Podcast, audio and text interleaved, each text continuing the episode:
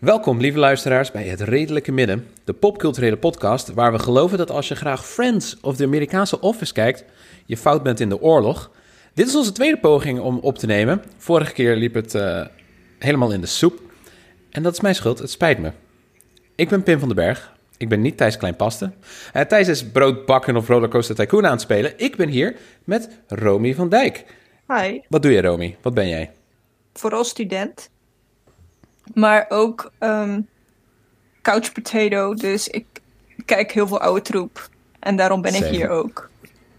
Oh ja, jij bent eh, correspondent oude troep. Ja. Dat was het. Eh, verder hebben we hier Jaap Strongs, die het een weekje niet over corona mag hebben, nog er petities over mag opzetten. ja, ik ben er ook, hallo. En eh te gast hebben we wederom onze favoriete mediawetenschapper, schrijver van het slechtste artikel dat de Washington Post ooit publiceerde. En de man die alle complottheorieën over linkse indoctrinatie op de universiteit keer op keer bewijst, Dr. Dan Hessler Forrest. Hallo. En ook degene wiens schuld, wiens schuld het eigenlijk was dat het, mislukken, dat het mislukken was opgenomen. Dat het opnemen was mislukt vorige gaat keer. goed. Dus, eh, dus eh, de- eh, dat was niet Thijs' schuld en ook niet Pim's schuld. Maar het is heel aardig dat ze dat op zich nemen. Ik voelde me zo erg dat ik me in een, binnen een hele drukke week toch nog een keer hetzelfde verhaal wil komen opsteken. Maar alleen onder voorwaarde dat we alles ook precies zo doen als vorige keer. En dat we voortaan elke week dezelfde podcast op dezelfde manier opnemen. Want dat bevalt me eigenlijk wel goed als een soort Groundhog Day ritueel. Nou, het is tot nu toe een, eh, een goed bewaard geheim dat de allereerste opname van het redelijke midden op een gelijkbare manier helaas eh, mislukte. En dat was, eh, toen was het helemaal mijn schuld. Eh, want ik had gewoon mijn deel niet opgenomen. of niet opgeslagen, was iets heel erg misgegaan. Dus dat was echt de allereerste opname met ons drieën. En dat was gelijk een fiasco. Maar uiteindelijk is het toch goed gekomen. Dus dat zal voor deze aflevering hopelijk ook gelden. Mooi. Nou, en ondertussen bedankt aan de luisteraars voor het geduld, de wacht op de aflevering en het wachten op deze uitleg over waarom er geen aflevering was. Fashionably late zullen we het noemen. Wij zijn zo cool. Vandaag gaan we het hebben, deze week gaan we het hebben over sitcoms. En om precies te zijn, we gaan het hebben over ons vermoeden van Romy en mij dat sitcoms de laatste pak een beet 25 jaar een zeer negatief mensbeeld hebben ontwikkeld. Maar eerst, eh, Dan, vorige keer vroeg ik jou nog trouwens ehm, waarom jij Indiana Jones and the Temple of Doom altijd verdedigt. Oh, ja, nou ja, ehm, eh, om daar maar mee te beginnen, omdat we het toch over sitcoms hebben, eh, zal ik eh, kort uitleggen. Nou ja, de, mijn, mijn obsessie en mijn, mijn levenswerk draait allemaal om populaire cultuur. En dan is mijn niche die ik in binnen populaire cultuur heb gevonden, is het, het uitleggen, of in mijn geval dansplanen, van waarom dingen die we leuk vinden eigenlijk heel slecht voor ons zijn. Ehm, en eh, Indiana Jones and the Temple of Doom is daar een prachtig voorbeeld van. Want eh, je vindt daarin een soort perfecte samenloop van aan de ene kant Steven Spielberg als filmmaker op de top van zijn kunnen. En aan de andere kant alle, de aller, aller slechtste eh, politieke denkbeelden die in Hollywood en Amerikaanse populaire cultuur circuleerden, in op één hoop gepropt. Dus, ehm, dus het gaat over een, eh, een, een white savior, Indiana Jones, die per ongeluk in een, in een nou ja, achterlijke cultuur terechtkomt. Tenminste, zo wordt India aan ons voorsteld, voorgesteld, waarin je twee soorten mensen hebt. De onschuldige, naïeve en totaal hulpeloze inboorlingen. Dat is het dorpje waar hij terechtkomt, waar alle kinderen zijn gestolen. En de achterbakse, snode duivelsaanbidders die in grotten eh, menselijke offers brengen aan afgoden uit een pre-christelijke tijd. Ja. Eh, eh, nou ja, en, de- en dat is dus het is een land dat in het verleden leeft. En hij moet met zijn eh, bijgestaan, moet zeg ik dan tussen hele grote aanhalingstekens, door een voortdurend gillende, hysterische blonde vrouw die werkelijk niks kan en alleen maar op iedereen zenuwen werkt. Eh, zo weet hij, eh, nou ja, eh, verlossing, te- letterlijk verlossing te brengen. Het is een heel grappig idee dat je dus in Amerikaanse Hollywood of in Hollywoodfilms dus heel vaak dat slavernij pas gestopt kan worden als er een witte held tussen beiden komt. Terwijl we toch allemaal weten wiens schuld slavernij eigenlijk was. Maar als we Hollywoodfilms geloven, dan was slavernij gewoon iets wat hoorde bij primitieve culturen. En waren er witte kolonialisten die daar dus een, eh, eh, nou ja, een, een oplossing voor moesten brengen. En zo is Indiana Jones en the Temple of Doom dus ook. Dus het is, het, het is als film, qua vorm, is het een perfecte film. Hij loopt als een trein, de muziek is fantastisch, alles zit geweldig gelikt in elkaar. Maar Yep. de ideologische boodschap die hij overdraagt is eh, het ergste van het ergste. En dat is precies, dus ja, hoe noemde ik dat? Oh ja, Starship Troopers, maar dan niet als satire, maar als echt zo bedoeld. Eh, dus op die manier eh, geniet ik met volle teugen van Indiana Jones en the Temple of Doom. Misschien wel om hele verkeerde redenen, maar het is altijd een heel mooi voorbeeld van foute politiek in een heel erg glimmend mooi jasje. Ja, want jij bent ook de eh, mediawetenschapper die berucht is omdat je de Lion King fascistisch noemde bijvoorbeeld. Ja, zeker. Nou ja, ik, ik vroeg me inderdaad, ik vroeg me inderdaad wel af. Ik kan me nog herinneren, mijn eerste college, of een van mijn eerste colleges eh, communicatiewetenschappen, hebben we het hier over 1999. Eh, toen, ehm, eh, ik, weet- ik, de naam van de docent is mij ontschoten, maar die vertelde, die kon altijd heel mooi vertellen over wat voor onderliggende ideologische boodschappen er waren eh geëncodeerd in eh, een willekeurig reclamefilmpje. Bijvoorbeeld eh, een eh, zakenman eh, die, eh, die... Nee, een zakenvrouw was het. Die dan met, een, met haar smart eh, autootje door de wildernis... van de stad naar de wildernis reed. En uiteindelijk bij haar man met een kabeltrui thuis kwam... en een lekker glas whisky inschonk. En, en, dan, en dan kon hij allemaal vertellen wat dat allemaal voor onderliggende boodschappen...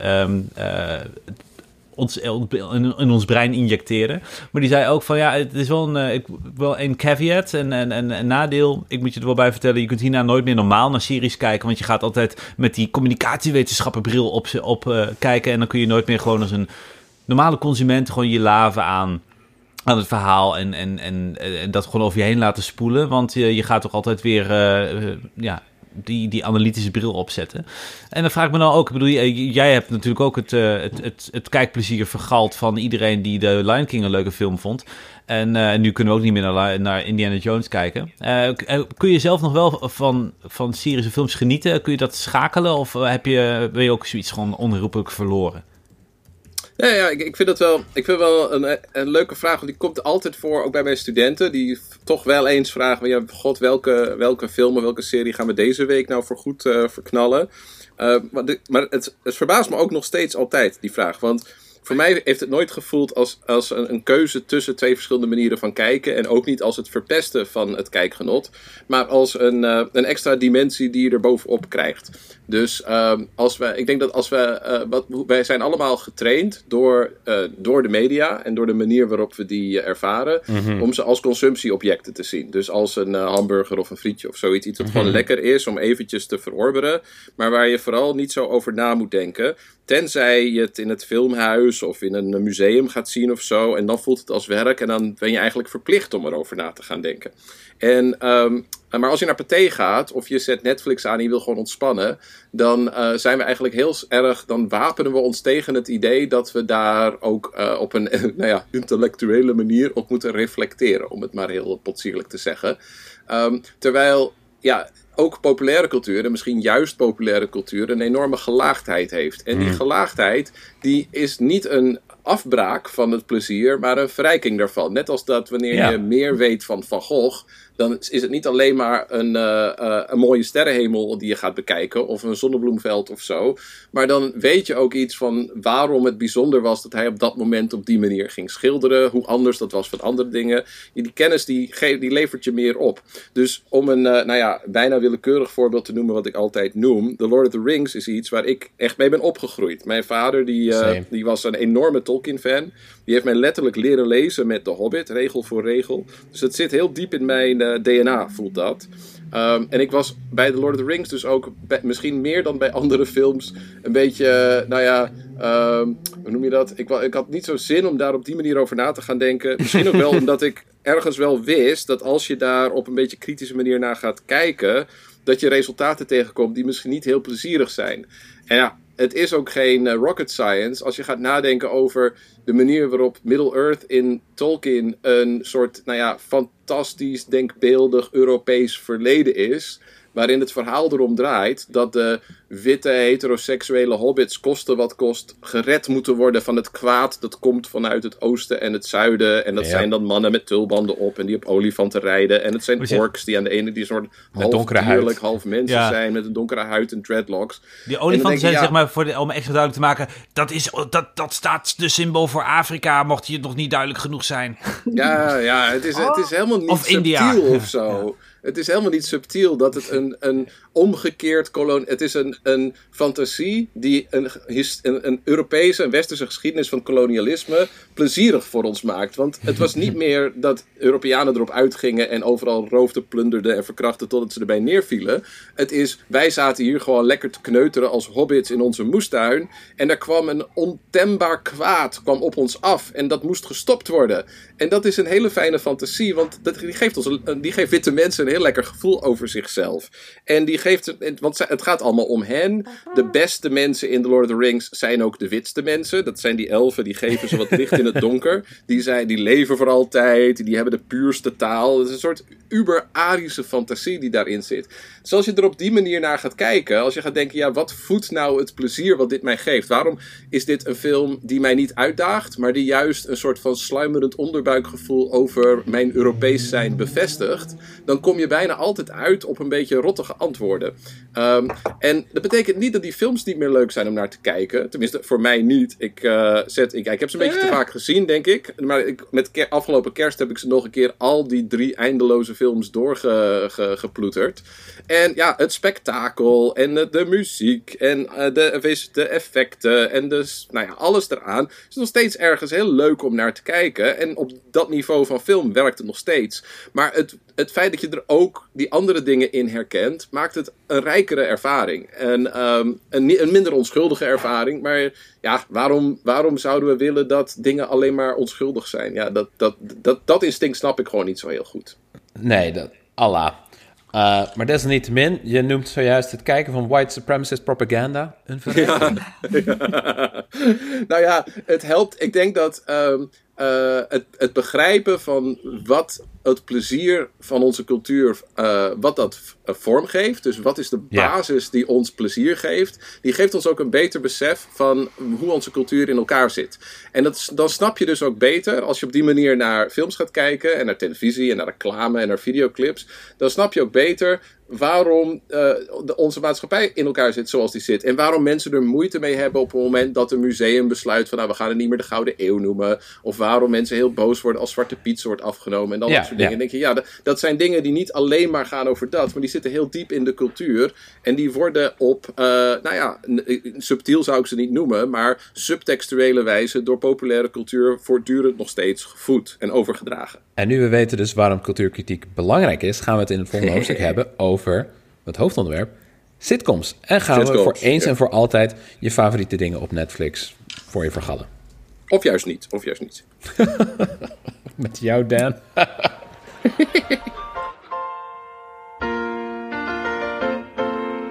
Making your way in the world today takes everything you've got. Taking a break from all your worries sure would help a lot.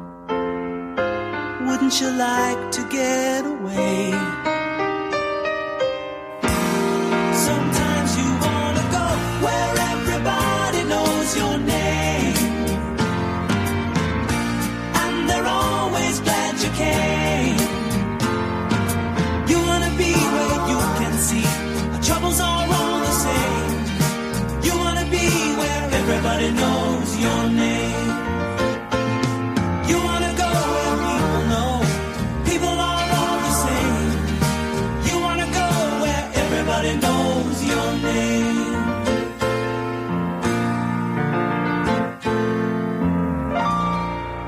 Ja, want we zitten nu allemaal eh, thuis. En als je thuis zit, wordt er veel genetflix. Zoveel zelfs dat eh, in sommige streken van Europa de bandbreedte al een beetje wordt teruggeschroefd. En de beeldkwaliteit.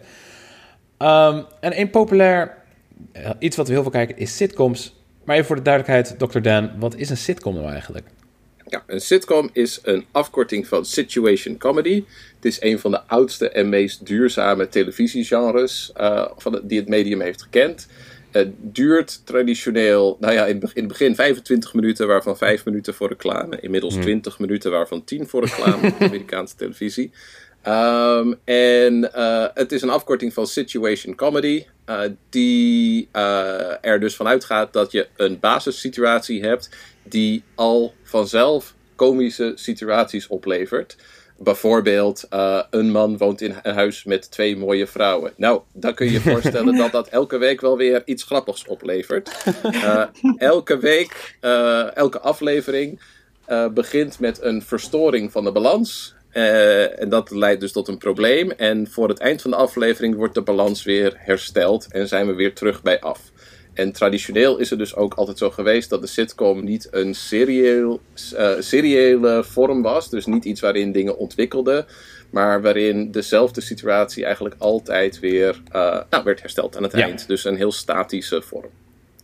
Ja, situation comedy, toch? Sitcom. Ja, situation comedy. Ja. En ehm, bekende sitcoms?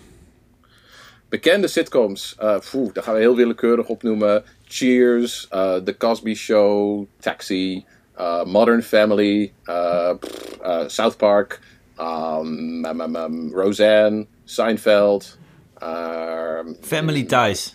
Family Ties, Growing Pains, uh, All in the Family, uh, The Mary Tyler Moore. Show. Nou, er zijn er echt heel veel. Eh, zeg eens A, om eens even naar Nederland toe te halen. Oppassen.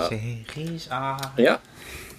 Uh, A Different World, spin-off van uh, The Cosby Show was dat. Uh, nou ja, het zijn er echt heel veel hoor. In, Nederland, in, in elk westers land is de sitcom een, uh, een, geliefd genre geweest in ieder geval. Hoe heet die ene met eh, Edwin eh, Lussen, of Peter Lussen bedoel ik? Eh, met Ellen en Ellen.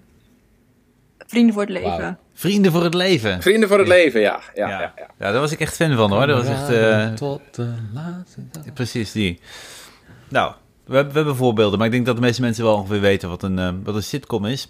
Maar eh, ik ben Ja. eerst even benieuwd. eh, eh, Pim en Romy, jullie hadden een bepaalde hele intelligente vragen, een bepaalde fascinatie Een over, over wat er. En je dan een take over, over, eh, over Een sitcoms. hot take. Een hot hele take hete name sitcoms. hebben we. Ja. Romy en ik hebben namelijk... eh, we zijn allebei, zeker voor jonge mensen als wij... onwaarschijnlijke fans van Cheers. En dat is een, eh, een sitcom uit de jaren 80. Die heeft elf seizoenen eh, gedraaid. Fantastisch. Het speelt zich af in een kroeg. Eh, de hoofdrol is van Ted Danson als Sam Malone. Die is eh, de eigenaar van de kroeg. Voormalig alcoholist, Nou, ja, in mislukt ieder geval, in atleet. ieder geval kroegbaas. Ja, hij is niet de eigenaar. Tenminste, hij wordt op een gegeven moment eigenaar volgens mij, maar het duurt heel lang. Hij, hij is eigenaar voor Dory Dan, verliest eigenaarschap, want hij verkoopt Ja, zijn kroeg aan eh, het bedrijf waar, eh hoe heet ze voor werkt, en moet het daarna vervolgens weer terugkopen. Ja, ja, ja. Wie is hier nou de Cheers-fan? Ja, goed, oké, oké. Credit where credit is due. Maar hoe dan ook, ehm, wat Cheers bijzonder maakt, is dat mensen van verschillende niveaus, witte mensen dan wel, wel samenkomen en dat er een beetje de sport wordt gedreven met alle lagen van de samenleving.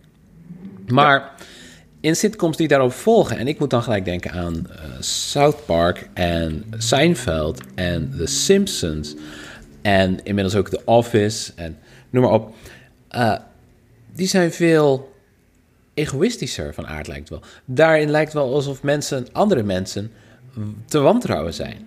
En Ja. die zijn veel cynischer. Ja, dat klopt. Nou, in, ja, als je, eh, laten we, we gaan de, de hele aflevering lang heel onverantwoordelijk generaliseren. En als we dat Graag. gaan doen, dan zeg ik ja, dat klopt. Ehm, maar maar het, is, het is dan ook handig om ehm, Cheers iets, toch in iets van de geschiedenis te plaatsen. Eh, De sitcom is dus een genre. Ja, je, je zei- eh, Jaap zei net, van, iedereen weet volgens mij wel wat het is. Maar toen dacht ik opeens, ja, het is wel opmerkelijk dat wij nu ook eigenlijk aan het einde van het, het- de levensduur van de sitcom lijken te staan. Omdat te- wekelijkse televisieprogramma's als een standaard onderdeel van ons huishouden, eh, nou ja, eigenlijk zeker nu aan, ja, echt wel aan het verdwijnen is. Modern Ja. Family is nu net gestopt en dat lijkt ook een soort mijlpaal in de geschiedenis van het genre, omdat er de laatste jaren niet of nauwelijks meer nieuwe sitcoms bij zijn gekomen. Ehm, The Simpsons is eigenlijk de ene sitcom die nog steeds eh, door blijft, eh, blijft denderen. Al, al- al kan die zich ook inmiddels verheugen op veel minder kijkcijfers. Maar van de jaren 50 tot en met de jaren 80 was eh, de sitcom een van de meest eh, eh, betrouwbare genres binnen Ja. een televisiemedium dat heel erg was gericht op het grootst mogelijke publiek. Dus televisie was bij uitstek in de naoorlogse decennia het massamedium. En nam die rol over van de radio die het daarvoor had gehad en de krant die er daarvoor. Dus Yes. televisie werd gewoon he- het medium voor het massapubliek. En sitcoms waren, net als veel andere programma's, eh, gericht op eh, nou ja, de grootste gemene deler. Dus hoe meer, hoe meer mensen zich daardoor aangesproken en herkend voelden, eh, hoe beter. En dat was dus ook de inzet van de sitcom. En de twee nou ja, meest voor de hand liggende formats en de, en de meest eh, eh, gebruikte zijn dus ook de sitcoms die zich afspelen binnen het gezin en het gezinsleven. Ook een beetje onder, vanuit het idee van ja, iedereen heeft of kent een gezin, dus we kunnen ons Ja. allemaal wel herkennen in ofwel de kinderen of de ouders of de grootouders of zo. Ehm, eh, en de andere was de werkvloercomedy. Dus je bent op je werk, Cheers is er ook één van. Je hebt, je hebt collega's en je hebt mensen die wel eens over de vloer komen. En dat levert dan weer onverwachte nieuwe hilarische situaties op. Ehm, Ja, eh, Cheers is denk ik de laatste, eh, is, wordt denk ik door de meeste televisiecritici gezien als het laatste en misschien wel beste sitcom van wat in televisiegeschiedenis het broadcast tijdperk is genoemd. Dus broadcasting ging ervan uit van je, gaat zo, je zendt ook letterlijk uit met de zendmast die probeert Ja. zoveel mogelijk mensen te bereiken. Vanaf de jaren negentig komt daar best wel plotseling grote verandering in.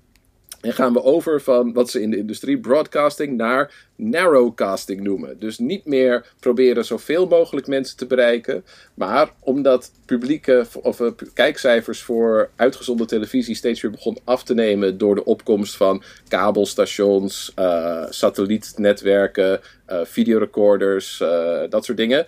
Ehm, werd het aanbod veel groter en begon het publiek dus ook te versnipperen.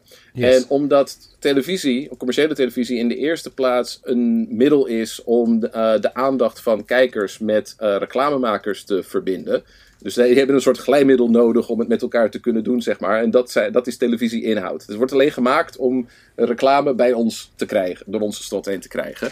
Ehm, merkten de televisiemakers van, nou, dat het lukt niet meer om die grote publieken aan te bieden aan reclamemakers. Dus wat gaan we in plaats daarvan doen? We gaan zeggen, wij hebben misschien niet de meeste kijkers, maar we hebben wel de beste kijkers. Dus ehm, er werd ineens ingezet, niet zozeer op wij maken televisie voor iedereen, maar wij maken televisie voor deze hele specifieke groep. En eh, het mooiste voorbeeld is denk ik juist de, de, de omschakeling van Cheers. Inderdaad, een workplace comedy die zich afspeelt in een kroeg waar allerlei lagen van de samenleving vertegenwoordigd zijn. Naar de ook zeer succesvolle jaren negentig spin-off, Frasier, die zich Ja. Eh, ja, in het huishouden en op de werkplek van een psychiater. En waarin niet zozeer een soort van nou ja, dwarsdoorsnede van de bevolking was, maar veel meer nadruk lag op het idee van dit gaat over mensen met geld en smaak. En daar mag wel een beetje de draak mee worden gestoken, maar dat is in de eerste plaats bedoeld voor mensen die grapjes over Mozart en Beethoven en Nietzsche ook meteen begrijpen en zich daarmee ook onderscheiden van de mindere kijker. Ja. En zo zijn Friends en Seinfeld ook in de jaren negentig ingezet om jonge mensen, hoogopgeleide mensen, mensen die veel geld verdienen of gaan verdienen, om met name hen aan te trekken. En dat werkte heel goed. Niet meer een gezin, niet meer een werkplek, maar sociale netwerken en eh, nou ja, juppies in beeld. Ehm, en daarmee wordt dus ook het, het bereik, hè, die, de diversiteit van mensen die je in beeld brengt, wordt veel smaller. En voelt het ook wat, eh, nou ja, laten we het hufteriger noemen. ja, we gaan daar specifieker op in. Maar Romy, Ja, ehm, je zegt dus dat de vorm, de verandering van de vorm eh, gezorgd heeft voor de verandering in toon. En dat dat, dat, dat ehm, duidelijk te zien is ook in Cheers en Frasier. En ik vind zelf ook dat, eh, dat Frasier misschien eh, niet past bij het karakter dat werd neergezet in Cheers. Want daar is hij dus one of the people. En in Frasier is hij ineens weer een elitaire man. Ja, Maar ja ehm, klopt. Ja.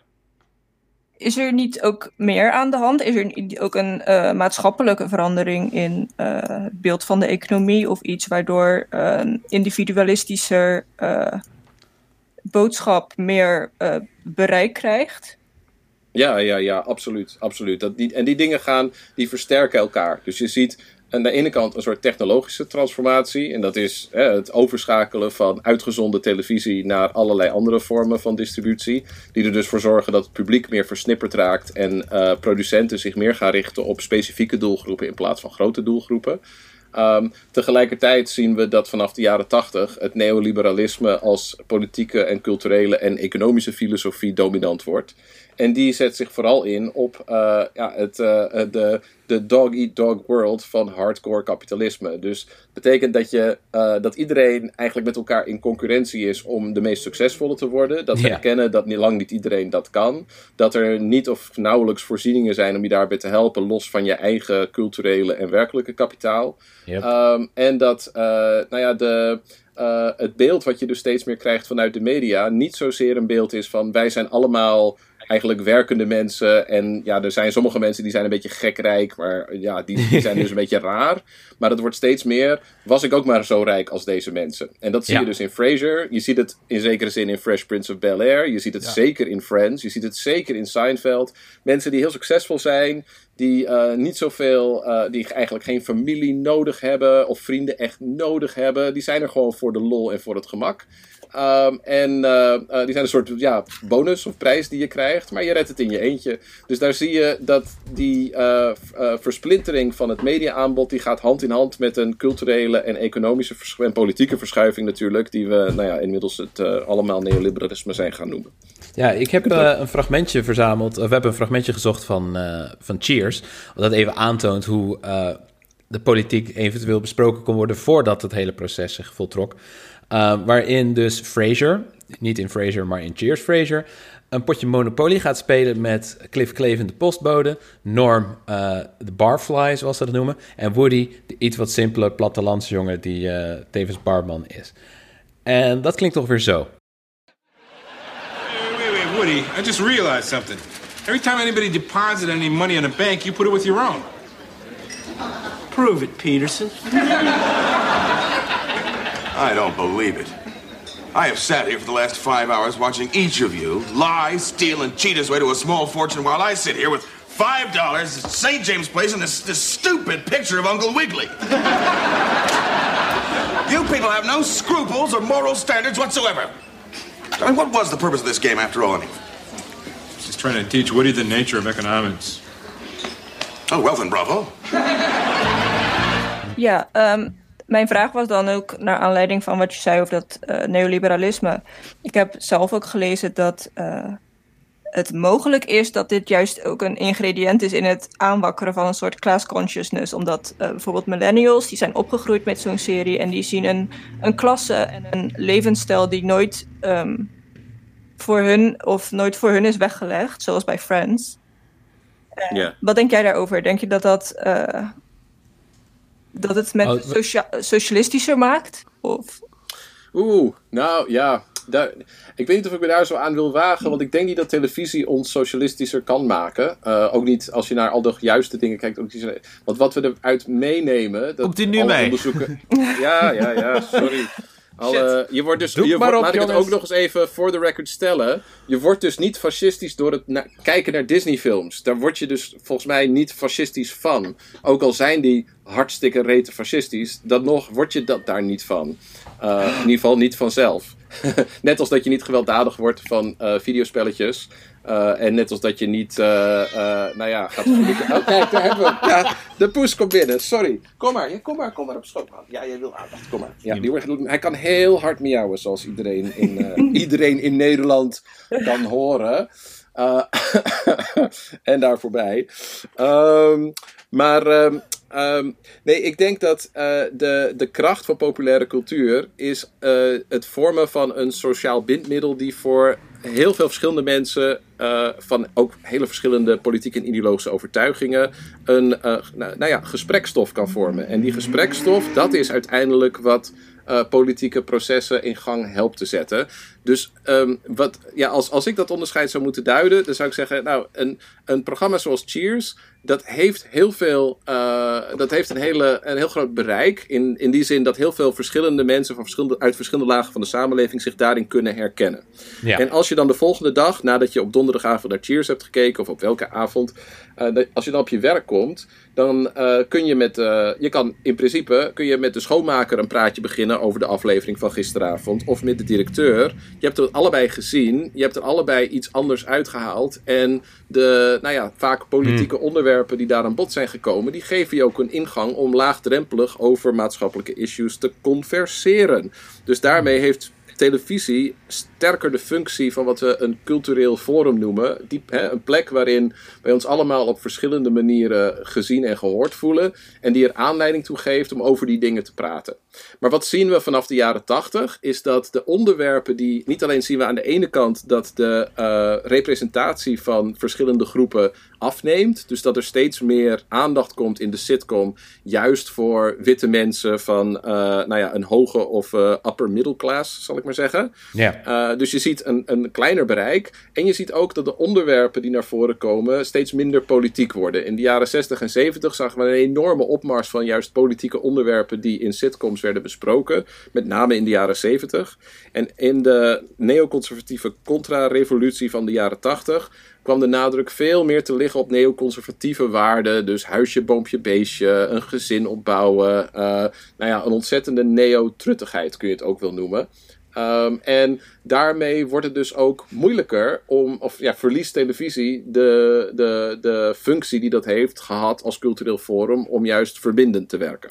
Ja, wat jij, uh, je zei sitcoms zijn het glijmiddel voor reclamemakers, maar eigenlijk zijn sitcoms dus ook glijmiddels voor een gedeeld politiek bewustzijn.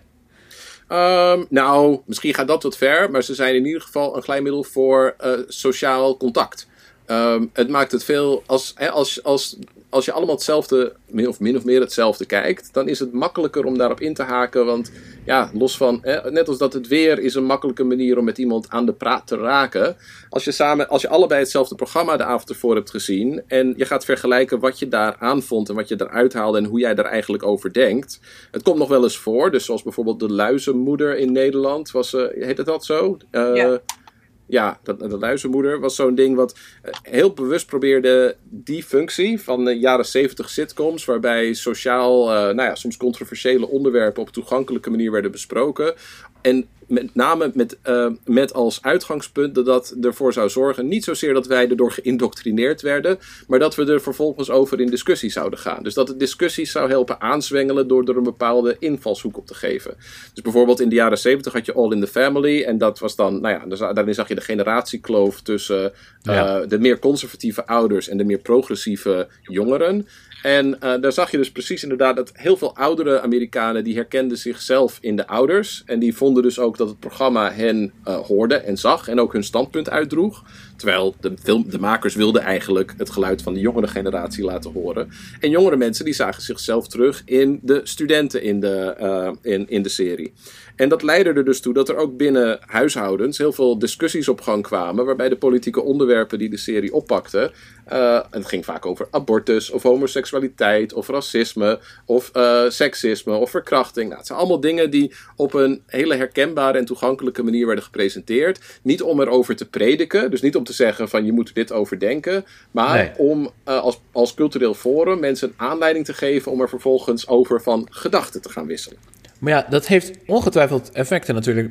De mate waarop dat natuurlijk naar voren komt. Als het publiek versplintert, zoals je zelf zegt, eh, vanaf de jaren 90, dan ja. is het toch zeker uh, makkelijk om bepaalde ideeën te verankeren in het uh, bewustzijn van bepaalde bedoel, uh, doelgroepen. Ik kan me voorstellen dat het niet hetzelfde is als wanneer um, in Cheers mensen van verschillende achtergronden met elkaar uh, converseren, dan wanneer bijvoorbeeld Seinfeld een ontzettende teringleier is in zijn eigen serie. Ik neem ja, aan nee. dat, dat dat echt wel doorklinkt, weerklinkt. Ja, nou ja, je ziet dus uh, met de opkomst van dat soort sitcoms, van Friends en Seinfeld en Frasier, heel nadrukkelijk in de jaren negentig, zie je de eerste tekenen van wat we nu onze filterbubbel noemen. Dus het idee dat je daar op, op dat moment beginnen dus ook heel veel, uh, heel veel Amerikanen beginnen af te haken met dat soort televisie, want zij zeggen ja, dit is voor rijke New Yorkers, dit is niet voor ons. En uh, die worden dus op hun wenken bediend door andere netwerken die op, hun, op die markt proberen in te spelen. En nu zijn we inmiddels heel ver doorgeschoten. En uh, ja, open je, uh, zet je niet zozeer de televisie aan, maar zet je, doe je jouw Netflix, zet je Netflix op op jouw tablet of op je smart tv of op je telefoon of waar dan ook. En daar zie je niet de ja. inhoud die iedereen ziet, maar daar zie je wat precies voor jou wordt aangeboden. Dus daar zie je een rubriek eh, eh, Zweedse crimies met een eh, sterke vrouwelijke hoofdrol als, als genre. Weet je? Omdat het algoritme heeft gezien dat je daar al drie van hebt gekeken. En denkt, nou, dat is blijkbaar iets wat jij leuk vindt. Dus daar krijg je gewoon meer van. Ehm, Ik merk dus ook als ik mijn. eh, ik, ik, ik geef nu 16 jaar onderwijs. En 16 jaar geleden. Toen kon ik dus ook echt nog wel zeggen van. Zoals die aflevering van dat programma gisteravond. En dan had je toch een grote meerderheid van mensen die dat die een beetje knikten van. Oh ja, ik, zelfs als ik het niet gezien heb, dan weet ik wel wat het was. En dan weet ik, ben ik er ongeveer bewust van. Want er was toen nog steeds was er wel een soort. eh, kritische massa van eh, massacultuur aanwezig.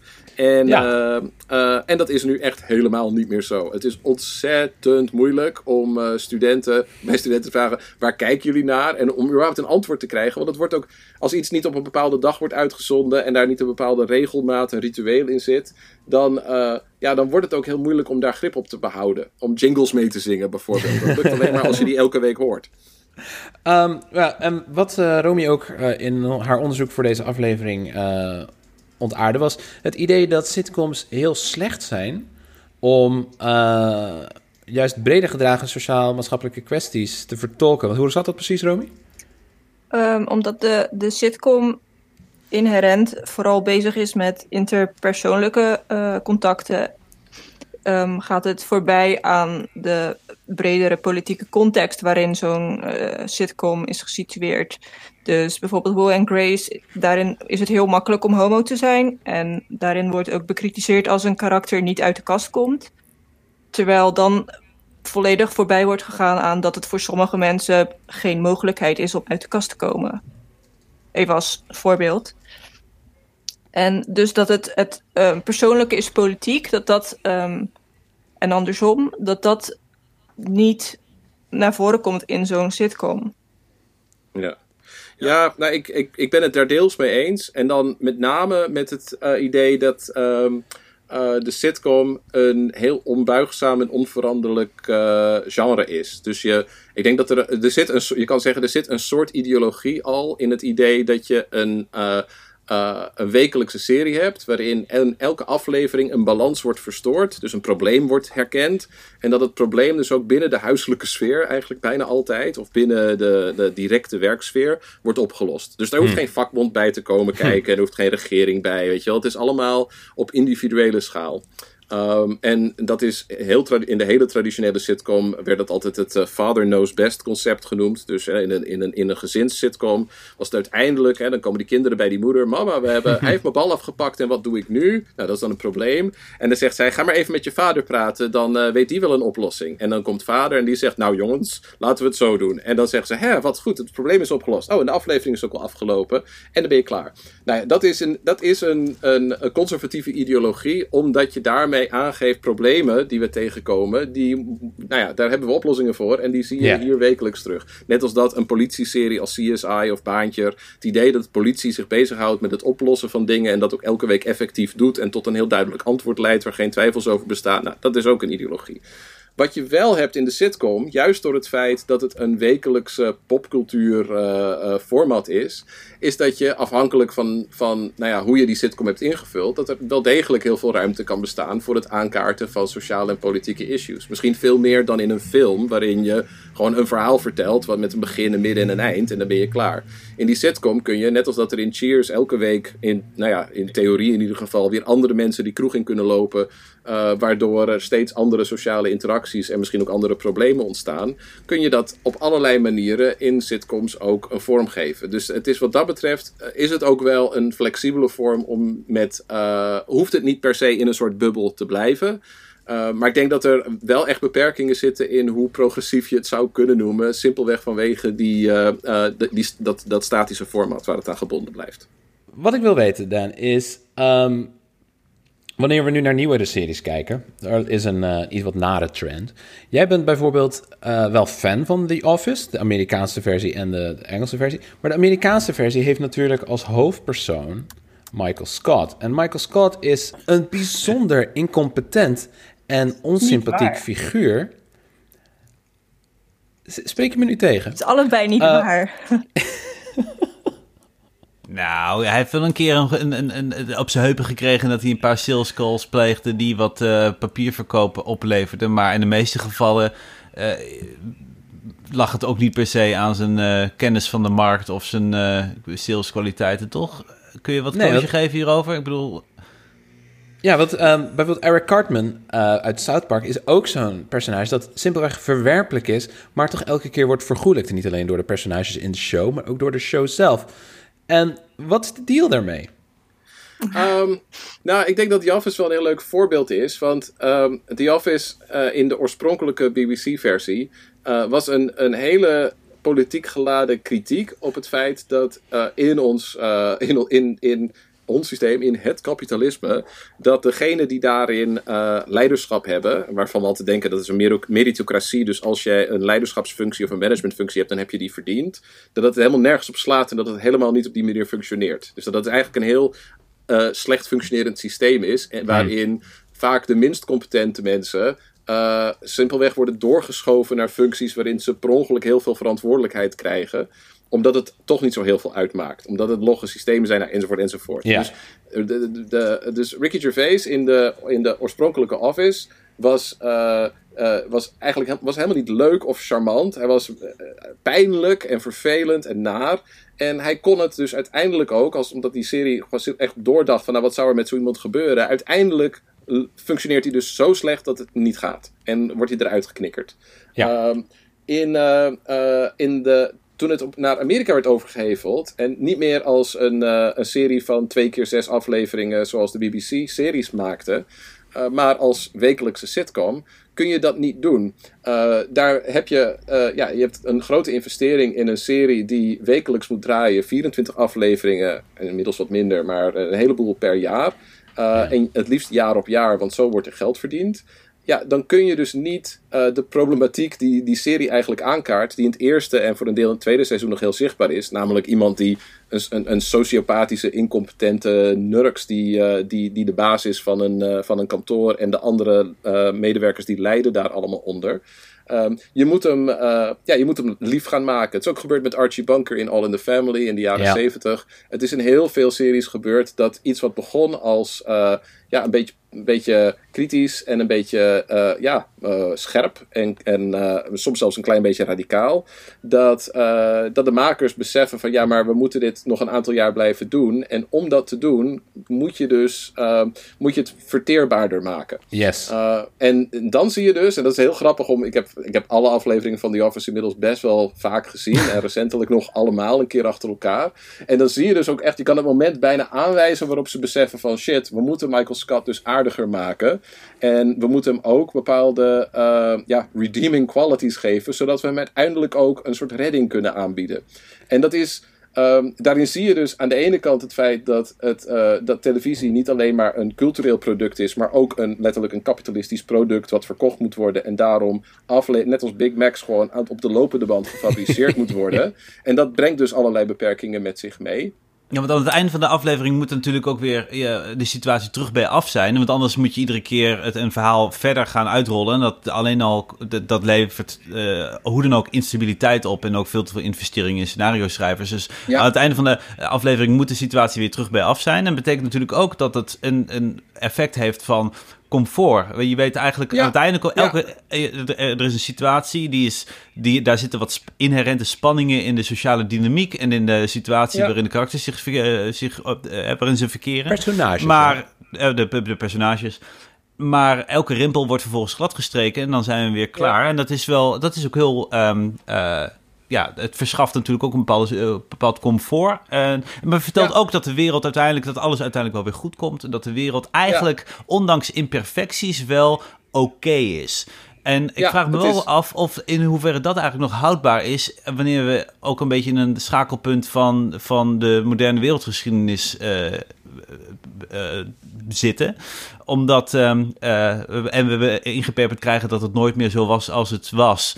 En, je, um, en, het, ja. en het niet meer allemaal goed komt. En je ook niet meer gewoon kan kijken naar normale sociale interacties zonder te denken: oh, je moet niet zomaar een hand geven. Oh, jullie, jullie zitten veel te dicht bij elkaar. Ja, ja, ja, ja, ja. ja, en, ja maar ik, de, en nu ga, trek ik misschien weer een andere register over. Want ik vind het jarring, zeg maar, om te zien dat uh, als ik een sitcom bekijk, of Veep, zoals gisteravond, dat het eigenlijk niet meer uh, te plaatsen is in de, hui, in de huidige tijd dat het echt een soort van historische komedie is. Waar je hooguit met, uh, met, met, wat ja, eh, nostalgie naar kan kijken. Niet zozeer van, oh ja, dat is de huidige wereld waarin we leven. Ja, nou ja, dat is dat, dat idee van ja, dat, je, dat je dingen. eh, op het moment dat je, in een, je ook heel eh, bewust wordt van het feit dat je snapt dat je in een ander tijdperk bent gaan leven, waar andere eh, kaders de, de dagelijkse realiteit bepalen, dan, dan gebeurt het natuurlijk vanzelf dat je, oh, dit, hier dachten ze nog zo over het gezin, of weet je wel, hier, in deze serie bestonden nog geen, geen eh, mensen van kleur, weet je wel, al dat soort dingen. of waren die dus nog niet op televisie blijkbaar. Ehm, en hou je daar rekening mee. Uh, we hebben nu natuurlijk een, een vrij plotselinge overschakeling gehad waar we nu middenin Ja. zitten. Uh, waardoor we heel veel sneller, en dat is, nou ja, voor de, de makers van Wiep hebben daar heel veel last van gehad. Want hun serie was nog niet eens afgelopen toen het politieke spectrum in Amerika zo radicaal verschoof. Dat hun toch een beetje zachtmoedige satire van uh, hoe ja, eigenlijk oneffectief politici wel niet zijn. Door uh, de verkiezing van Donald Trump ineens in een heel ander, uh, heel ander register terecht kwam.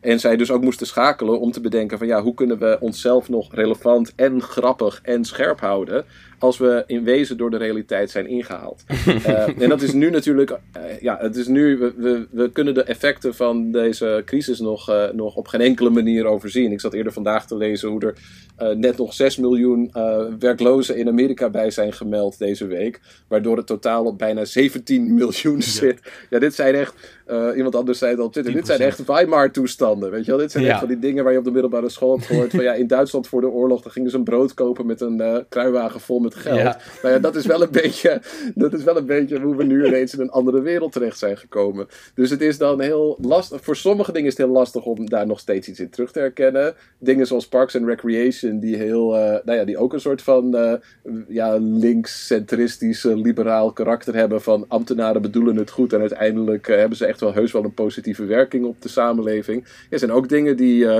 die in de Trump-tijdperk ineens toch wat grimmig en pijnlijk aanvoelen. Een Daar komen we nog op terug. Ja. Daar kunnen we wel op terugkomen. Maar dat, ja, ik denk dat wat dat betreft, uh, dat, dat dus juist dat, dat, die- dat, uh, dat systeem waar de, waar de sitcom uit voortkomt, niet alleen een systeem is van uh, televisie maken en uitzenden met een heel regelmatig en voorspelbaar patroon. Dus dezelfde sets, dezelfde acteurs, die jaar in, jaar uit min of meer ongewijzigd. Hè. Ze worden een klein beetje ouder, maar daar blijft het een beetje bij. Mm. Dus even dezelfde samenstelling aanblijven. Uh, zo maken we televisie steeds minder mee. Televisie gaat steeds meer over. Ja, personages kunnen uh, zomaar, uh, zomaar doodgaan. Game of Thrones is wat dat betreft een heel uh, groot, groot soort paradigmaverschuiving geweest. Mhm. Je weet nooit wie er doodgaat en wanneer. Dat kunnen goede mensen of slechte mensen zijn. Ze kunnen om begrijpelijke reden doodgaan of zomaar door iets willekeurigs. Alle voorspelbaarheid is eruit. En dat is dus het soort hardcore neoliberalisme waarin we in terecht zijn gekomen. Ja, we weten niet meer wat we voor volgende week kunnen verwachten. Dus televisie doet daar gretig aan mee en bevestigt dat wereldbeeld voor ons. Maar toch, maar toch, maar toch, maar toch. Maar toch, zijn, ja.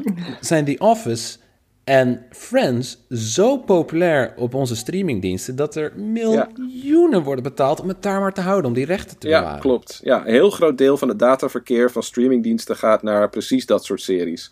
Um, en Gossip Girl is ook een hele geliefde wat dat betreft. En dat zijn dus ook datakanonnen van Netflix, Amazon, uh, Disney Plus, andere streamingkanalen. Die zetten vooral in daarop. En, maar dat komt dus ook voor een belangrijk deel doordat uh, televisie steeds minder een medium is waar jonge mensen naar kijken. Waar dus ook steeds minder traditionele televisie voor wordt gemaakt. Mm -hmm. De televisie die wordt uitgezonden op Amerikaanse commerciële netwerken lijkt wat dat betreft steeds meer op wat je ook bij Netflix Originals ziet. Namelijk een hoog verteltempo, complexe verhalen, weinig uh, sitcom formats waarbij je dus een begin, een midden en een eind hebt en aan het eind ja. ben je eigenlijk weer terug waar je begon.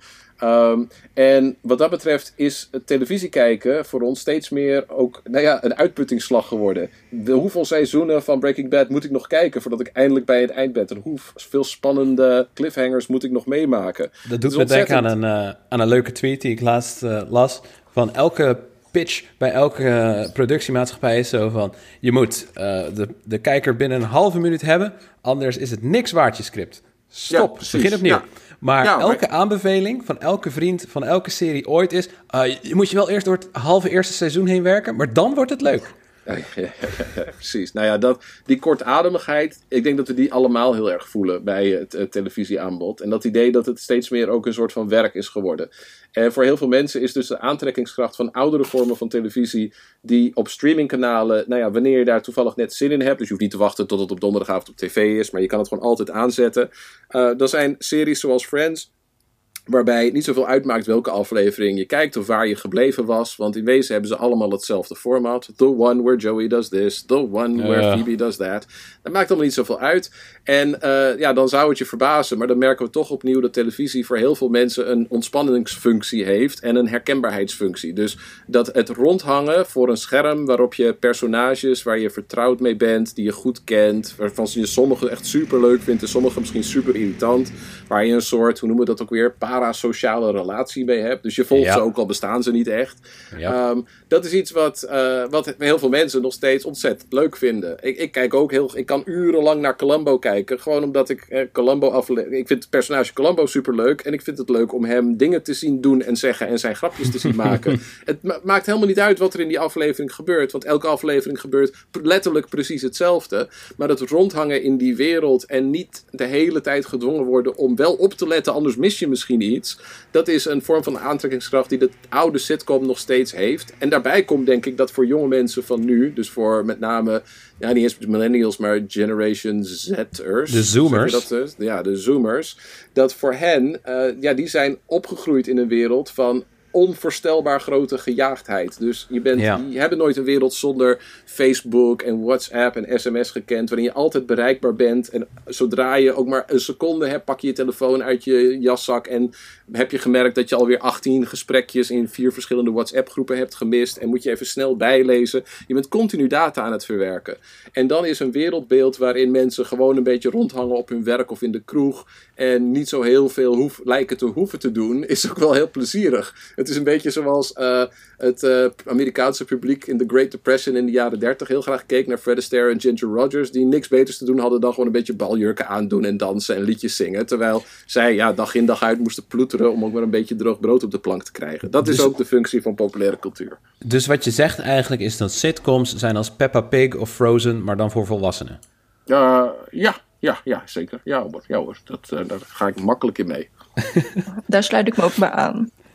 Um, we hadden nog een, uh, een artikel gelezen, wat we ook netjes in de show notes delen, geen zorgen, uh, over de politiek van Michael Schur's televisieseries. En Michael Schur is nu zo'n beetje de. was eigenlijk de populairste sitcommaker van de afgelopen 15 jaar. Hij werkte mee dus aan de Amerikaanse Office. Hij maakte Parks and Recreation. Hij maakte Brooklyn Nine-Nine, ook erg populair. En uh, The Good Place.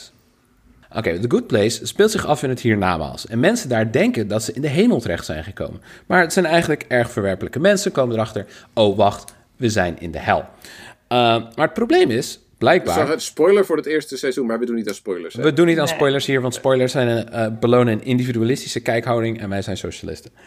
Uh, maar het probleem blijkt dus te zijn in de serie... dat te veel mensen naar de hel gaan... en niemand meer in de hemel terechtkomt... omdat zogenaamd het leven op aarde te complex is geworden. Problemen, leven in het kapitalisme hebben het uh, leven zo moeilijk gemaakt dat je eigenlijk altijd medeplichtig bent aan de verwoesting die het kapitalisme teweeg brengt. En dan denk je op één klein moment dat de serie uh, voorbij het standaard sitcom-idee gaat dat de situatie na elke aflevering gewoon opgelost moet worden en echt structurele, moeilijk op te lossen problemen in de samenleving gaat aankaarten. Maar dat valt uh, vies tegen wanneer de serie besluit: hey, het leven is dan misschien wel complex, maar op aarde kunnen we niks veranderen. Wat we wel kunnen doen, is de puntentelling aanpassen, zodat mensen die zich alsnog medeplichtig maken aan de verwoesting van hele werelddelen en hele uitbuiting van hele bevolkingsgroepen, alsnog in de hemel terecht kunnen komen. En we hebben een fragmentje dat we even laten horen. I once stood in front of you and said I thought there was something wrong with the point system. I finally know what it is. Life now is so complicated. It's impossible for anyone to be good enough for the good place.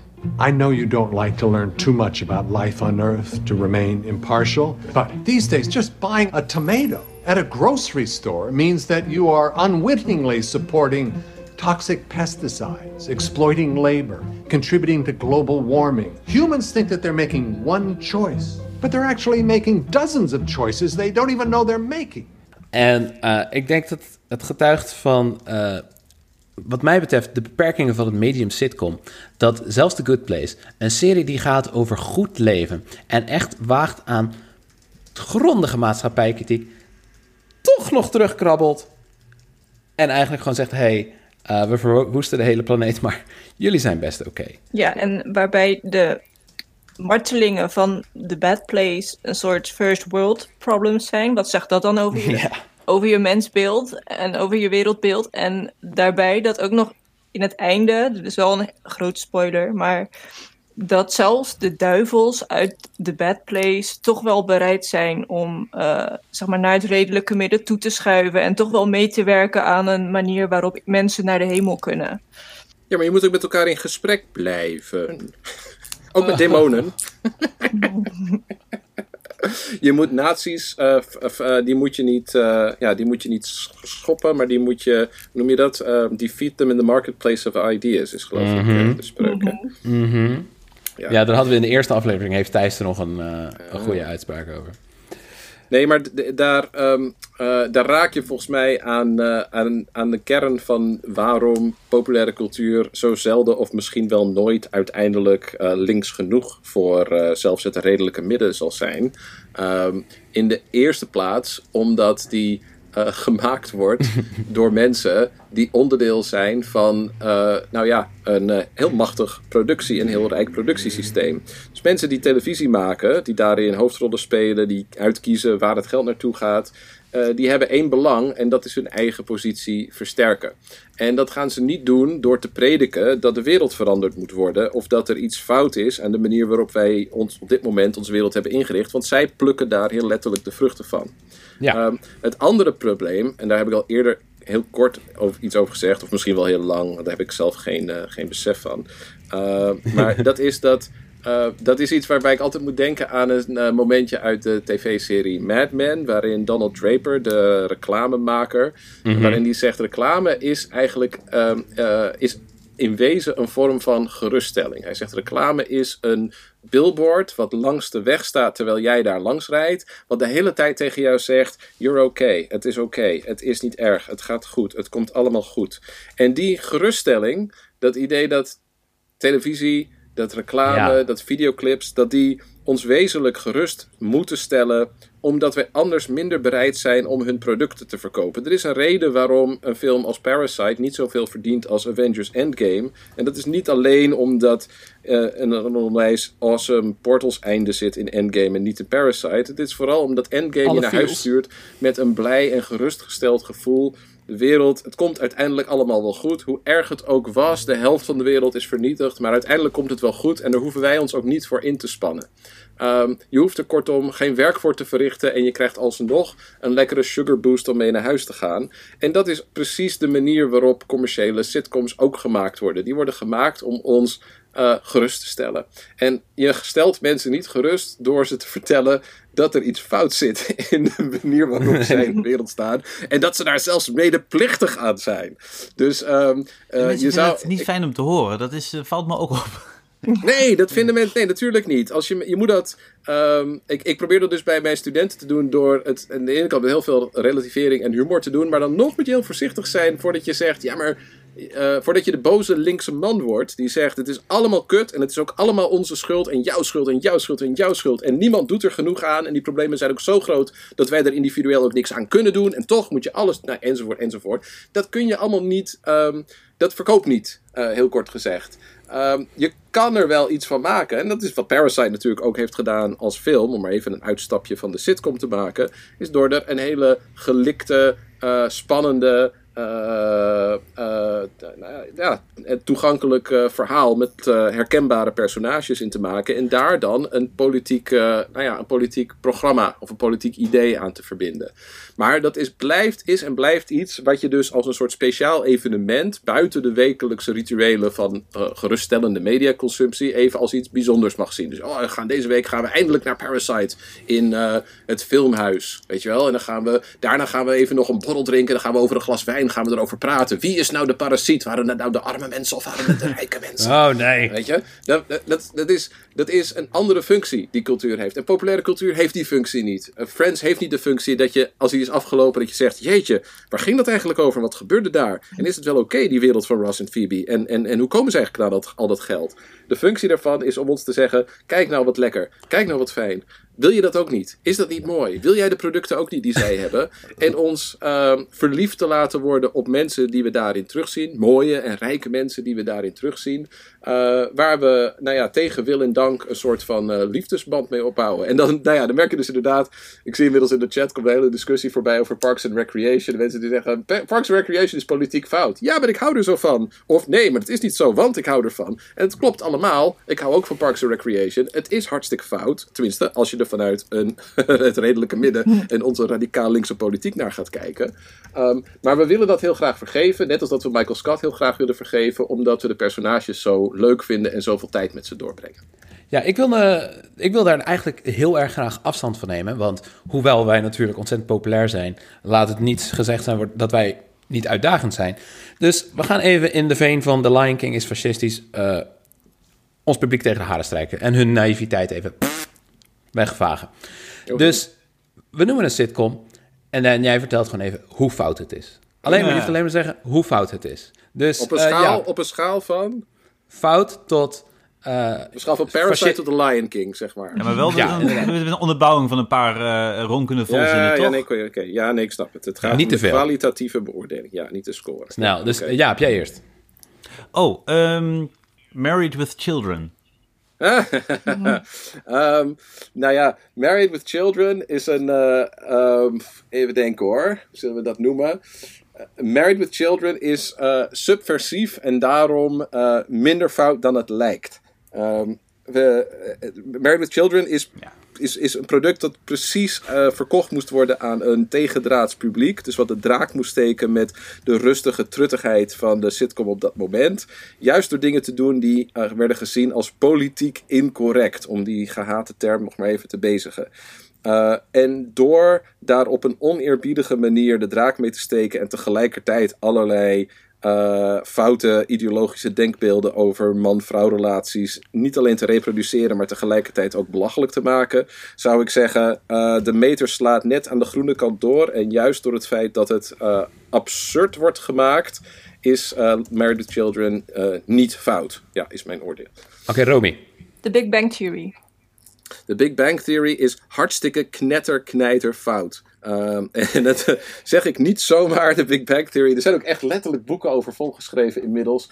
Over um, wat de term die tegenwoordig toxic geek masculinity wordt genoemd. Dus niet mm -hmm. zozeer de toxic masculinity van Arnold Schwarzenegger en andere spierbundels.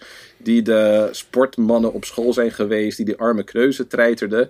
Maar juist het tijdperk waarin kneuzen zoals Steve Jobs en, en, en Elon Musk en zo de machtigste mensen op aarde zijn geworden. De tech bros. En dus graag naar, en dus graag naar series kijken waarin hun personages uh, bovenaan de pikorde staan. Er mag dus ook opnieuw mogen ze een beetje belachelijk worden gemaakt, maar het draait allemaal om hen en hun voorliefdes, die op een heel onkritische manier worden bevestigd. En in het geval van de Big Bang Theory met name ten koste van vrouwen. Dus uh, het idee dat uh, science fiction en fantasy en technologie met name en, en wetenschap met name een mannendomein is, waarin af en toe een vrouw weet door te dringen, maar nooit op een zo authentieke, leuke en echte manier als die mannen.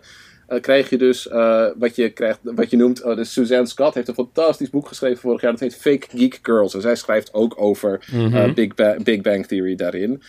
dus het idee van de Fake Geek Girl is dat je als, als meisjesgeek, als iemand die van, die van eindeloos Star Trek binge houdt, of die naar, die naar Star Wars kijkt, of die naar Big Bang Theory kijkt, of wat dan ook. Dat je eigenlijk, nou, dan ben je het vriendinnetje van een echte nerd, of je probeert je binnen te werken binnen geek kringen. Maar die kringen, die zijn. Nou, ja, dat is een poortwachtersfunctie voor mannen, want die mannen die zijn eigenlijk degene die die dienst uitmaken. En Big Bang Theory is een van de grote popcultuurfenomenen die dat heeft bevestigd. Dus dat is hartstikke knetter fout.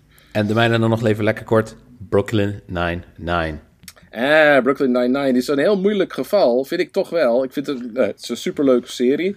Uh, ja, fout, zal ik toch maar kort zeggen. Uh, waarom? Nou ja, uh, heel veel, uh, zeg maar, nou ja, centrum-links mensen zal ik ze maar heel netjes noemen. Ehm, die vinden dat. eh, eh, die hebben het vaak over identiteitspolitiek als iets wat belangrijk is, omdat we zichtbaarheid van minderheden, die moeten we kunnen garanderen. Eh, en daar hebben ze geen ongelijk in, maar waar het fout gaat, is dat ze daar meteen ook ophouden.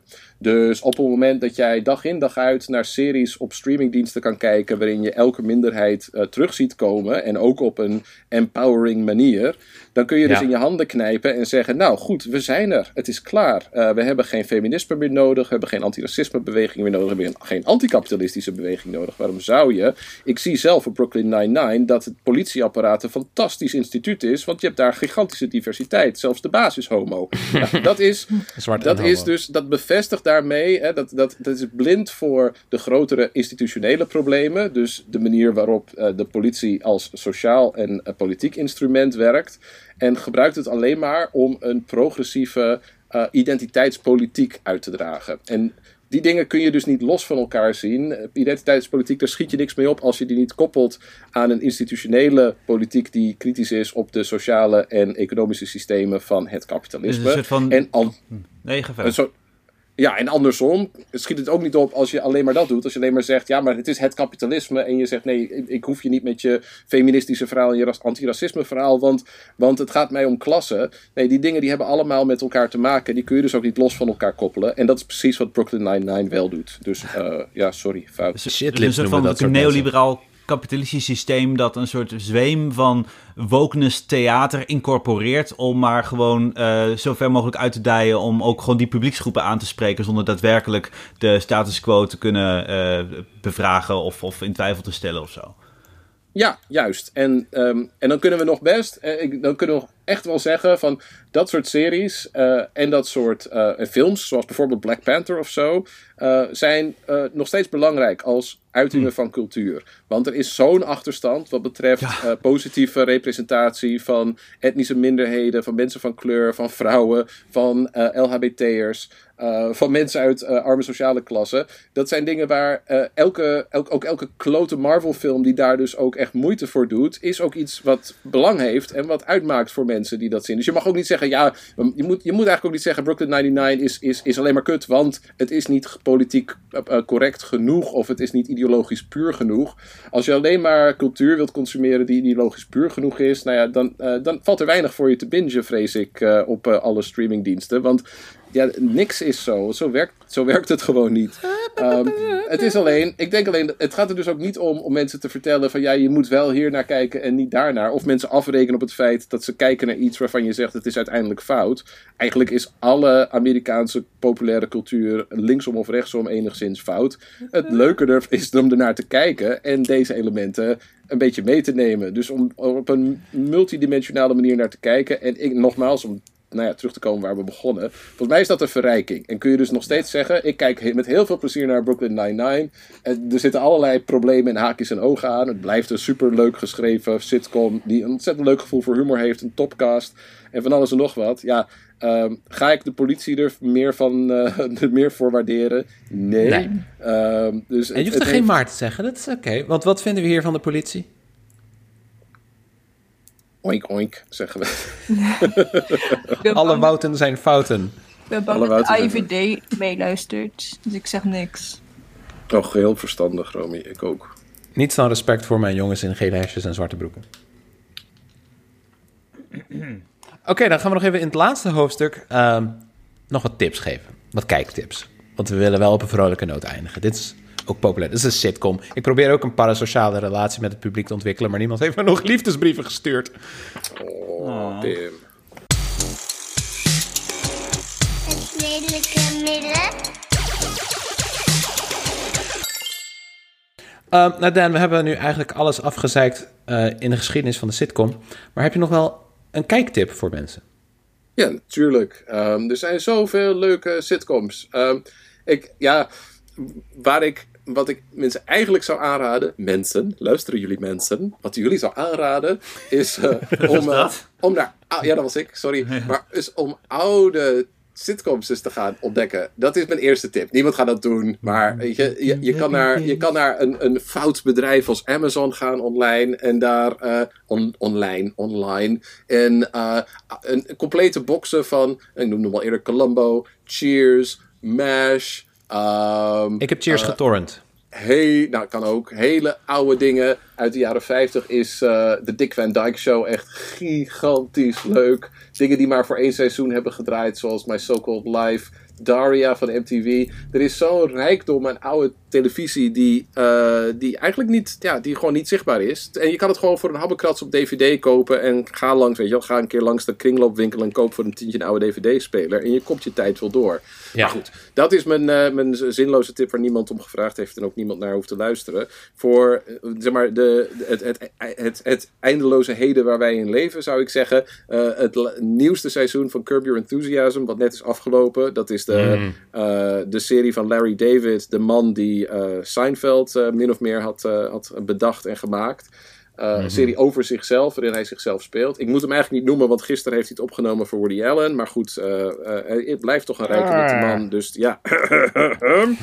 maar ehm, eh, ik vond het ja, ik, ik vind zijn gevoel voor humor, eh, eh, joods, cynisch, zwart gevoel voor humor, oneerbiedig over alles, superleuk. En ik vond het bijna, nou ja, magisch hoe hij, hij heeft jarenlang een serie gemaakt die tegenwoordig veel moeilijker te maken is. Ook vanwege hoe social media en hoe snel alles loopt.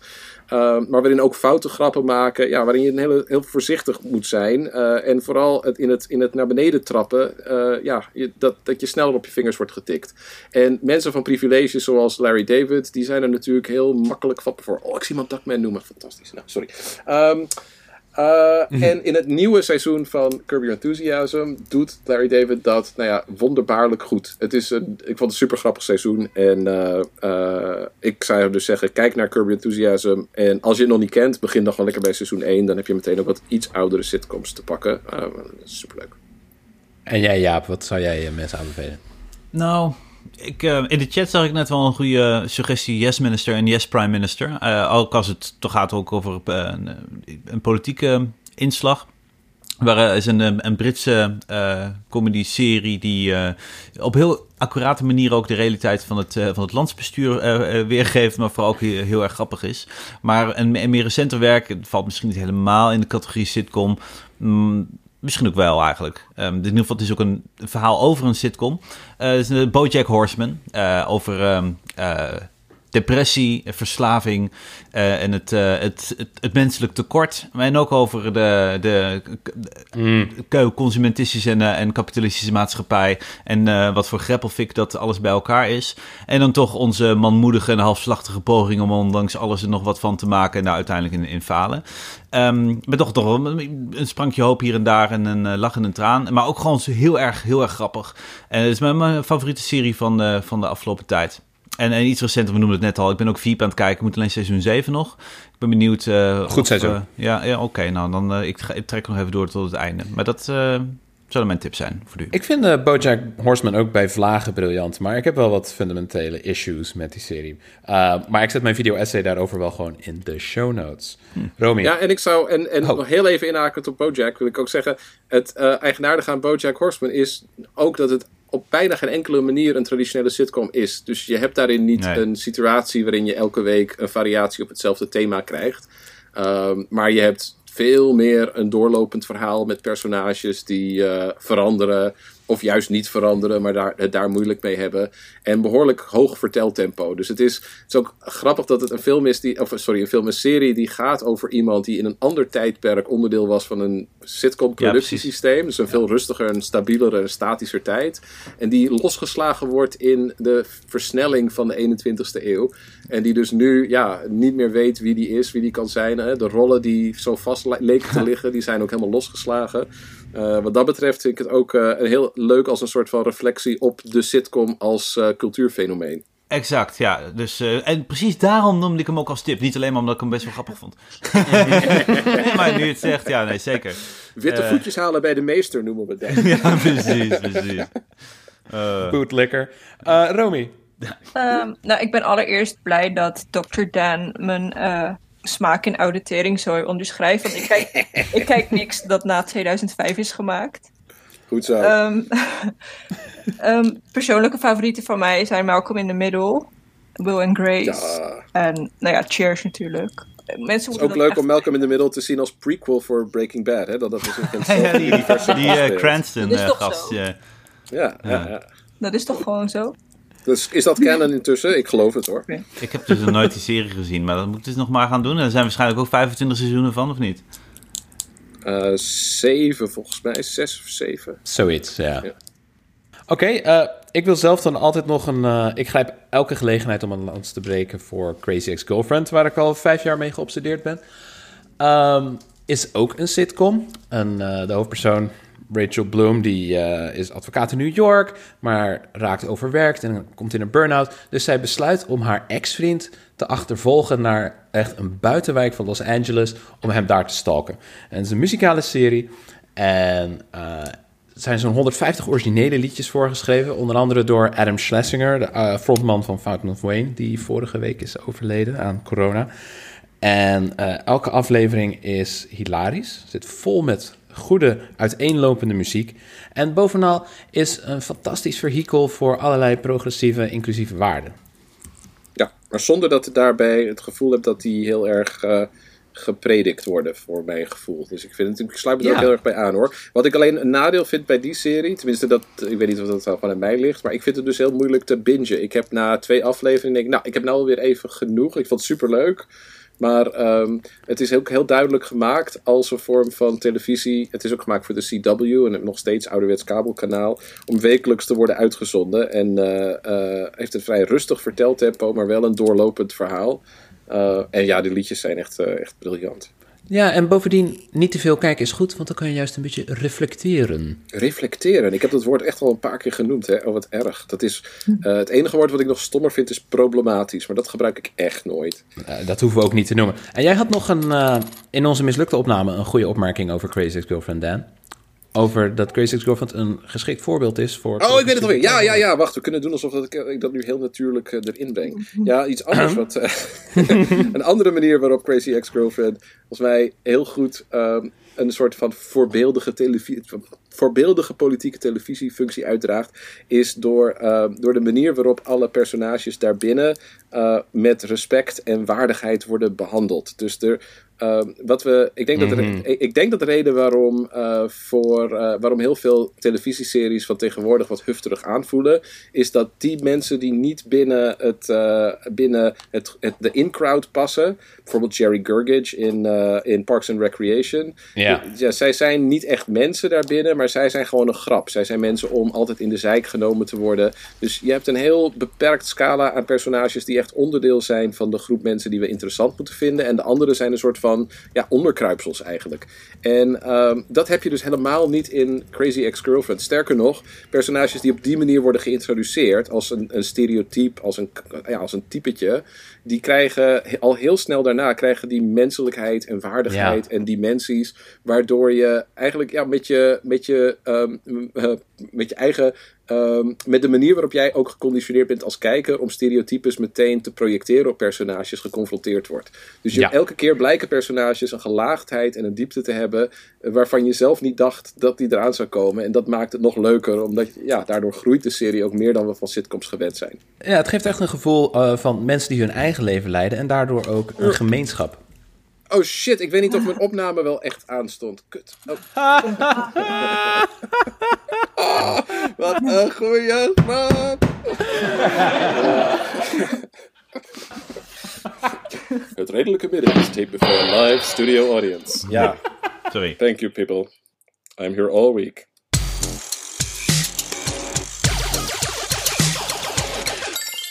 Eh, het laatste hoofdstuk, het redelijke midden, waar we dus eigenlijk eh, beleidsvoorstellen doen die nu volkomen redelijk lijken. Ehm Jaap, take it away. Ehm, oh ja, nou, nou mijn, eh, het redelijke midden van deze week is dat we, nou ja, nadat we in het, zeg maar, in het 2,5 decennium sinds de introductie van grootschalig internet, hoegenaamd nooit significante interesse hebben weten op te brengen in het beschermen van privacy, eh, inclusief locatiedata. En op het moment dat we mogelijk dat soort data eens kunnen gebruiken in de bestrijding van een fucking maatschappij, ontwrichtende levensverwoestende pandemie. ehm, dat we dus nu niet opeens pas collegetje bescherm ik je persoonsgegevens gaan spelen. op het moment dat het tijdelijk delen van onze locatie levens kan redden. van mensen die nu niet opeens doen alsof ze al vijf jaar lang Bits of Freedom donateur zijn. Of eh, of beter nog, nu we opeens kennelijk wakker zijn en geven om onze privacy, dat we dat kritische perspectief ook toepassen op overheden en techbedrijven, ook na deze pandemie.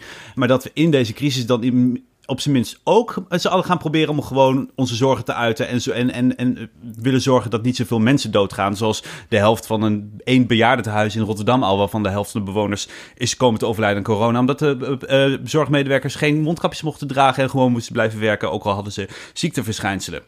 Oftewel, een beetje eh, wat meer de juiste verhoudingen lijkt me heel gezond.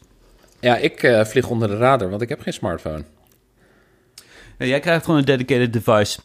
Ik heb nog wel een oude, een oude, een, een oude iPhone of een oude Android-telefoon voor je. En dan, eh, voor je een weet, ben je ook lekker de hele dag aan twitteren. Hum, Romy. Eh, ja.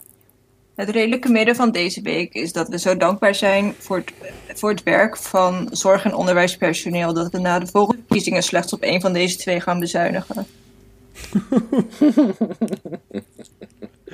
Dan. Ehm, ik, mijn beleidsvoorstel is om eh, de bonussen eh, en eindejaarsuitkeringen en zo van de niet-cruciale beroepen 100% te gaan belasten. En daarmee de wel cruciale beroepen. Ik hoor daar toevallig bij, maar ik hoef het niet. eh, dus ik. ik Oh, wat gul van je. maar om, die, om daarmee hun salarissen aan te vullen totdat die op een meer gelijk communistisch niveau liggen. Dus ik zou zeggen, belast eh, bankiers 100% in hun bonussen en andere niet-cruciale beroepen. En eh, gebruik dat geld voor de wel cruciale beroepen. Lijkt me helemaal niet zo radicaal, lijkt me een heel redelijk middenvoorstel. Zoals en wat doen we daarna met de rijken? Met de rijken, die vreten we op, dat weet je toch. Oké, ehm, en dan heb ik nog een eh, klein lijstje en ik wil een lachband na elke. Het redelijke midden van deze week, herd immunity, betekent vanaf nu dat je niks meer voelt bij het horen van Johnny Cash's cover van The Nine Inch Nails. Hurt. Ik heb, ik heb nog eigenlijk een andere het redelijke midden van deze week. Mag ik nog een alternatief Kom maar eh, door. doen? Mijn het redelijke midden van deze week is dat we is eat the rich, maar kook ze wel goed, want anders krijg je er corona van. Ehm, het redelijke midden van deze week. Jort Kelder heet vanaf nu Jort in de kelder, want dat is waar we hem opsluiten. Dank u. Het redelijke midden van deze week komt van onze vriend uit Italië. RIVM is tegenwoordig oké, maar het staat voor rust in vrede, mensen. Het redelijke midden van deze week is dat we Siewert van Linden eindelijk weer serieus gaan nemen. En wel zodanig dat iedere Twitterscheet van hem automatisch verwerkt wordt in het verkiezingsprogramma van het CDA, waarna de partij kansloos ten onder gaat. dank u, dank u. Ik heb, ik heb er nog vier. En als beste luisteraar, je kan al lang naar huis. Het is oké, ga, ga naar huis. Het is klaar. Het redelijke midden van deze week is dat je best over eugenetica mag oreren op tv, mits je nooit drinkt, rookt of ongez- ongezond eet en jaarlijks de Rotterdamse marathon rent. Alles op straffen van onmiddellijke euthanasie. Het redelijke midden van deze week is je huis vol schot inzet, omdat je helemaal genoeg hebt van het kantoortuinprincipe in je woonkamer. Die kwam van Thijs. Het redelijke midden van vandaag is dat de SP tegen eurobonds mag stemmen, maar dan voortaan wel bij elke partijbijeenkomst de nationale moet zingen.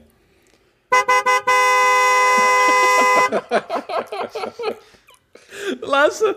Eh, het redelijke midden van deze week is dat we geen uitspraken doen over zaken waar we geen verstand van hebben en daarom politici ook voortaan zullen zwijgen over kunst en cultuur.